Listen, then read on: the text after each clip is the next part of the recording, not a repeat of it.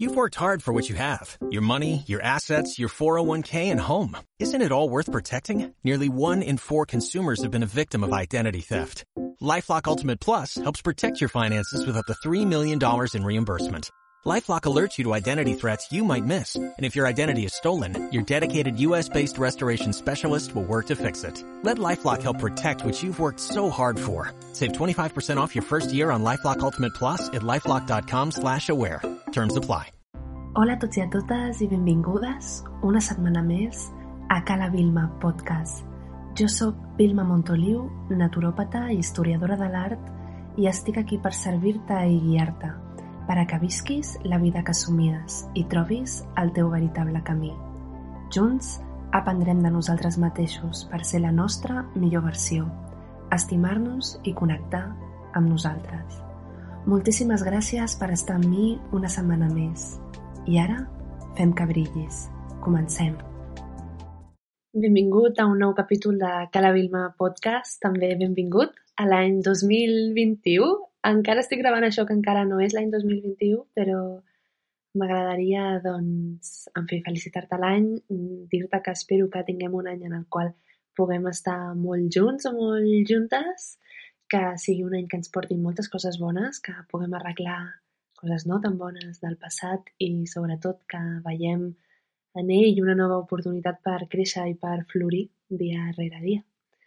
Així que, doncs, era com a molt important per mi amb quin tema començaríem l'any a Cala Vilma i la veritat és que he triat algo, mm, un tema que ja has vist en el títol, la impaciència, que penso que, que penso que és un gran tema per mi i per molts de vosaltres, perquè és algo que a vegades em comenteu, és algo de lo que a vegades hem parlat, no? com, com aconseguir tenir més paciència. Com ja sabeu, a la Vilma sempre parlo de les coses des d'un enfoc molt personal, perquè és de lo que es tracta aquest podcast, de mostrar-me vulnerable i de que us pugueu sentir identificats o identificades amb mi, no? I d'aprendre a um, autogestionar les nostres emocions i entendre'ns què, què ens passa per dintre, no? I per això m'agrada compartir amb vosaltres el que em passa a mi per dintre, perquè, bueno, no ho sé, perquè penso que és algo de lo que es parla poc i així doncs us, us explico el meu mecanisme per comprendre. Així que parlarem des de la impaciència, des de l'òptica en la qual jo l'he experimentada i parlarem de la impaciència no en el sentit de...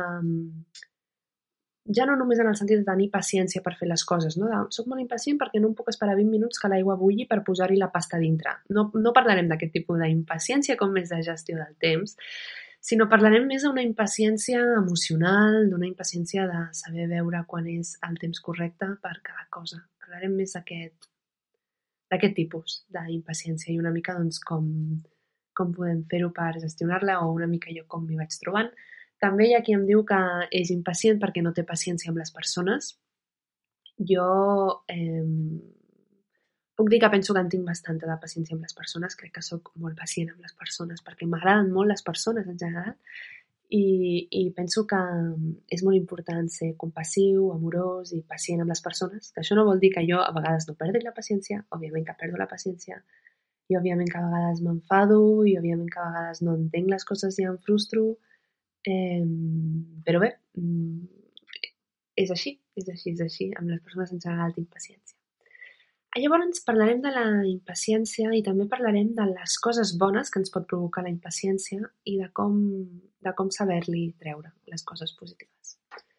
Bé, recentment, amb una cosa amb la que he pogut mm, tastar la meva impaciència, com ja sabeu, sempre inaugurem amb una anècdota personal, és amb el, amb el meu projecte, amb el tema dels podcasts, amb les classes de meditació, amb les classes de respiració, amb les meditacions personalitzades, no? Quan comences alguna cosa nova amb tanta il·lusió, és com que vols tot ja, no? I vols veure els resultats ja, i vols veure la gent ja contenta després d'haver rebut els teus serveis, i vols que les persones de seguida et donin feedback, i, i ho vols tot ja, vols tot ja, vols ja els resultats. I aquest és un punt important del podcast, no? La impaciència per veure els resultats d'un esforç que estàs fent en el, que estàs fent en el present, no? I vols veure els resultats ja, en el, en el moment. I la veritat és que penso que això és molt difícil. És molt difícil quan tu estàs fent un esforç en el present que no, que no veuràs els resultats fins al cap d'un temps, penso que encara, encara té més valor fins i tot aquella acció que estàs donant a terme en aquell present. perquè estàs treballant un futur que no està garantitzat, perquè, sorpresa, el futur mai està garantitzat, però això no vol dir que en el present nosaltres no haguem de treballar sobre el nostre futur. I penso que és molt important ser realistes amb això i crec que és molt important adonar-nos-en i decidir treballar el nostre present per tenir el futur que volem i mereixem. Això a vegades no et porta a viure en aquest futur, no? Ja no, no tan... Estàs, estàs en el futur, estàs projectant tant en el futur que no estàs vivint el present. Ah, llavors aquí hi ha una amiga que sempre em diu una frase, un cop em va dir una frase quan va veure que jo començava tot el meu projecte i li vaig explicar i tal, no? A em mira els ulls i em va dir, Vilma, sé que t'anirà molt bé, perquè sé que això és el que tu ets, em va dir. Jo en aquell moment estava molt emocionada.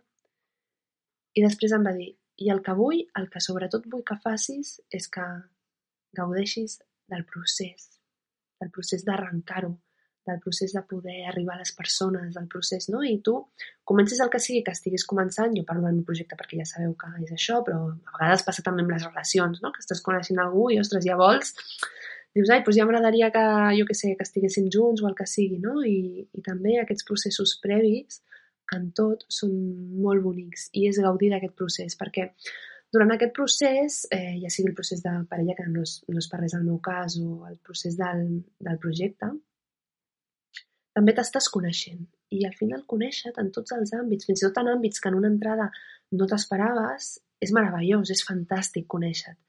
Veure la quantitat de tecles que tens, que acostumen a ser moltes més de les que, de les que en realitat ens pensem. I també sempre durant aquest procés descobrim moltes més qualitats i moltes més coses bones de les que ens pensàvem que teníem. I penso que això és, penso que això és important i és, és positiu, és molt bo. Llavors una mica parlem de la impaciència en aquest, en aquest punt, el fet de gaudir del camí i de confiar.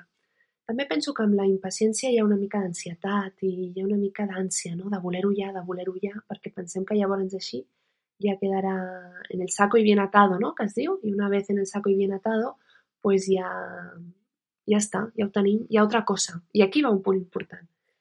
Recordo quan era petita, jo hauria tenir, no sé, petita, 8 anys, jo somiava amb ser gran. Tenia moltes ganes de ser gran perquè tenia ganes de que les persones m'escoltessin. Curiosament ara, ara gravo podcast, no? Però tenia ganes i jo li deia a la meva mare, ostres, és que vaig aquí i vull dir alguna i no m'escolten, no? I clar, la gent et veu petit, no? I què t'han d'escoltar? Llavors penso que, que jo en aquell moment desitjava ser gran. Jo pensava, mira, quan tingui 15-16 anys, no? Després, quan tenia 15-16 anys, pensava, ostres, quan estigui a la universitat ja veuràs, no? I després, quan estava a la universitat, pensava, jolines, vull acabar això ja, quin pal. I quan vaig acabar la universitat era com en plan, quan vaig acabar la universitat, que ara no sé si he vocalitzat prou, era com en plan, pues ara el que vull eh, és que el meu projecte arranqui, vull arribar a molta gent, vull a tenir molts clients i moltes clientes, vull ja que la gent estigui contenta amb el servei que ofereixo, vull que la gent aprengui a meditar, ho vull ja, ho vull ja, ho vull ja, no? I sempre m'estava, em vaig adonar que sempre m'estava projectant en el futur, perquè va haver-hi un punt que ara últimament no, ara tinc 23 anys, i a vegades penso, uah, tinc ganes de tenir 30 anys per tenir aquesta cosa i aquesta cosa solucionada quan no vol dir que quan tingui 30 anys les hagi de tenir solucionades. I potser tinc aquestes dues solucionades i he dessolucionat una altra i he de solucionar una altra, no? El que sigui. El que us vull dir és que em vaig, em vaig sorprendre a mi mateixa repetint aquest patró de pensament, no? De, ara tinc 7 anys, tinc ganes de tenir-ne 14, en tinc 14, tinc ganes de tenir-ne 21, en tinc 21, tinc ganes de tenir-ne 30, no? I me'n vaig adonar que això anava a ser així sempre, que quan, que quan hagués, que el dia que fes 30 anys, doncs, em voldria tenir 45, perquè, jo què sé, per tal i per qual, no? I quan en tingués 45, doncs en voldria tenir 50 per tal i per qual. I, i me'n vaig adonar que em passava això, que repetia aquest patró per la impaciència de voler tenir certes coses solucionades que després moltes vegades no estan solucionades. Sempre penso, l'altre dia vaig arribar amb un, amb un pensament, amb una conclusió, va haver-hi una època de la meva vida, jo tenia 20 anys o 21, que tenia el que se suposa que hem de tenir tots, no? Tenia una feina amb contracte fixe, tenia un cotxe, vivia independitzada, compartia pis i tenia una parella, una parella que a més es projectava en mi a molt llarg termini, no? Pues jo no recordo època en la meva vida en la que jo hagi estat més trista, més trista i les coses m'hagin aportat menys i jo m'hagi sentit més buida. I és curiós, no?, perquè tu et passes un, un cert de temps perseguint allò, perseguint allò, perquè et penses que serà que et farà feliç, perquè és el que has vist a les pel·lícules, perquè et penses que així ho arreglaràs i... Sorpresa, no és així. I és, és heavy. Quan em vaig adonar d'això, me'n va patar el cap quasi, que potser és un pensament que no és gaire profund, perquè, no sé, això és com algo que potser ja sabíeu vosaltres. Però jo me'n vaig, vaig arribar a aquest pensament d'aquesta forma, no? amb, amb aquest procés d'adonar-me que de cop i volta vaig dir un moment, ara perquè collons vull tenir 30 anys, si fa dos anys el que volia era tenir l'edat que tinc ara, saps què m'està passant? I me'n vaig adonar d'això. Llavors és aquesta sensació de voler-ho tenir tot al sac i ben lligat, quan la realitat és que mai res està al sac i ben lligat. I passa una mica també amb les relacions de parella, no? Ens pensem que quan aquella persona ens hagi dit t'estimo, allò ja estarà solucionat i ja el tindrem allà per sempre. I l'amor és un pacte que es fa i es desfà constantment, perquè el bonic d'això és que sigui lliure. I bé, parlo també de les amistats, ja sabeu que quan parlo de l'amor no m'agrada centrar-me només en l'amor de parella, però el cert és que sí, és que passa això, les persones hem de ser lliures i dintre d'aquesta llibertat ens cau la possibilitat de canviar d'opinió constantment respecte, respecte a les coses. I tu un dia et lleves amb algú al costat que potser fa 10 anys que està amb tu, amb qui potser has tingut crius fins i tot, no? I et pot dir, mira, doncs vull restablir el pacte o vull que en tinguem un altre o tu també ho pots voler fer. El que us vinc a dir és que llavors aquesta impaciència de tenir-ho tot al sac i ben lligat és, és irreal, no, no existeix, perquè mai res està al sac i ben lligat. Això és una, una il·lusió. I penso que aquest any que hem deixat enrere, el 2020, també ens ha ensenyat a viure amb aquesta sensació i amb aquesta mm, incertesa, no? Al final, més que, ho parlàvem en un podcast, més que viure amb ella s'ha fet molt latent, no? Li hem pogut posar un nom, que és Covid-19, i ara doncs li tenim una etiqueta a la incertesa. Llavors això és com que l'ha fet aflorar encara més, no? I encara convivim més amb ella. Però això ha estat sempre, sempre, sempre amb, amb nosaltres, sempre ha estat allà. Per tant, crec que la impaciència en aquest àmbit és, és, és important, no? gaudir, gaudir del, del procés de les coses. Després també... Ui, perdoneu, això ha sigut el rellotge. Després també un punt que crec que és molt important i del que, el que vull desenvolupar durant el podcast bastant. No teniu la sensació a vegades que les coses són millors abans de que passin que un cop ja han passat, o fins i tot que un cop estan passant. Perquè a vegades, quan vols molt que passi alguna cosa i tu ho somies i et projectes i et veus amb aquella persona o et veus en aquella situació, allò també és tan màgic i aquella il·lusió a la panxa d'abans de tenir les coses també és tan increïble perquè després quan fa un temps que les tens, aquella il·lusió d'abans de tenir-les canvia o es dissipa o, o desapareix, no? Per tant, penso que és tan... no sé, és tan brutal i és tan important eh, recuperar aquella il·lusió i ser molt... i donar-li peu també a tenir-la, no? I a experimentar-la. I estar un temps visquent-la, sentint-la, dient, sent conscient d'ostres, tinc aquesta sensació a la panxa per això, no? Perquè, perquè vull això i vull l'altre i, i, i em veig i veig que ho estic aconseguint. Això es nota molt a vegades, sobretot Ara posaré un exemple infantil, però quan eres nen que desitjaves molt una, una joguina, no? I, ostres, somiaves amb la joguina, somiaves amb la joguina i insisties als pares, vull això, i dius, bueno, posa-ho a la carta dels Reis o demaneu per l'aniversari. Tu t'imaginaves i veies els teus amics amb aquella joguina i pensaves, ostres, jo quan la tingui faré això i faré l'altre i jugaré aquí i jugaré allà. pues, jo me'n vaig adonar que, que al final era millor aquesta sensació d'abans de tenir-la que un cop ja la tenia. Perquè un cop ja la tenia ja estava. I què passa un cop tenim allò que somiem? molts cops comencem a somiar que volem una altra cosa, perquè aquesta impaciència de tenir la joguina no s'acaba amb aquesta joguina. Tu assolies aquesta joguina, podies passar-te un temps X content amb ella, però al cap d'un temps seguies somiant amb una altra joguina i seguies somiant amb una altra cosa. I penso que aquest exemple de la joguina ens serveix per absolutament tot, perquè funciona així, perquè és així, perquè penso que, que sí, que a vegades les coses són molt millors abans que passin. També passa amb els eventos, no? Ostres, tinc aquella festa. Bueno, ara eventos, esperem que el 2021 ens porti eventos. El mateix passa, no? Tinc aquesta festa que em posaré, m'arreglaré els cabells, m'arreglaré les ungles, em posaré aquestes arracades, parlo amb les meves amigues perquè em fa molta il·lusió, hi haurà aquella persona que vull veure la festa, no hi haurà. Totes aquestes preparacions, molts cops, són molt, molt millors que després la festa, perquè a vegades també poses les expectatives tan alta en les noches de juerga que després dius, ah, pues, pues caramba, no era per tant, no? O, o bé, m'ho vaig passar millor abans amb tota la preparació que després. Llavors crec que és molt important tenir aquests punts com, com abanderats, no? gaudir del procés i sobretot gaudir de la sensació d'abans d'aconseguir les coses. També quan somiem amb aquesta sensació ho estem projectant, no? La llei de l'atracció, la llei de l'atracció, estem ja visualitzant-nos amb aquell objectiu que volem tenir. I, i l'univers ja comença a treballar amb allò, si tu estàs començant a treballar amb això, òbviament, però ja és com una, és com una pregària, no?, d'alguna manera, i tu ja l'estàs invocando, invocando, invocar, invocar, no sé si ho estic dient bé, tu ja ho estàs doncs, projectant i, i ja ho estàs somiant. I llavors, eh, què més dir-vos de la impaciència? Dir-vos que a mi em costa la impaciència. Em costa tenir paciència sobretot amb això, amb, el, amb les persones i amb les situacions potser no tant, no? Però, però em costa també tenir paciència a mi mateixa, moltes vegades quan una cosa sobretot no surt la primera o, o no acabo de trobar la manera perfecta en la que vull comunicar alguna cosa o vull representar alguna cosa, no? i li dono toms i li dono toms i no acabo de saber com ho vull, eh, doncs bé, moltes vegades passa això. Que dic, ah, Vilma, lo estás haciendo todo mal. I no, no és això, és el fet de, doncs pues molt bé, ok. Llavors penso, vale, si la meva amiga tal, la meva amiga Bea, no? normalment poso l'exemple, que l'estimo tant, que jo veig amb ella tanta llum, tanta bondat, tant amor, tanta, tant totes les coses positives de l'univers les veig concentrades en ella en el seu metre setanta, eh, penso, si ella estigués en aquesta situació, jo què li diria? Pues està clar que no li diria el que m'estic dient a mi, li diria, tia, pues tingues paciència, tranquil·la, no ho estàs aconseguint d'aquesta manera, fem-ho d'aquesta altra, parlem-ho, comuniquem-nos, a veure com ho podem solucionar.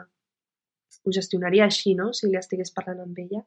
Llavors és sentir l'amor, la compassió i, i l'infinit carinyo que sento cap a ella, doncs d'aquesta manera, no? Eh, projectar-ho llavors cap a mi i usar paraules carinyoses cap a mi mateixa, que sempre us dic que és molt important de la manera que ens parlem. I amb el tema de la impaciència és el mateix, perquè a vegades notes que estàs impacient, i llavors t'enfades amb tu mateixa perquè t'estàs notant impacient, perquè a veure, això ens ha passat, no? Vull dir, això ens ha passat a tots.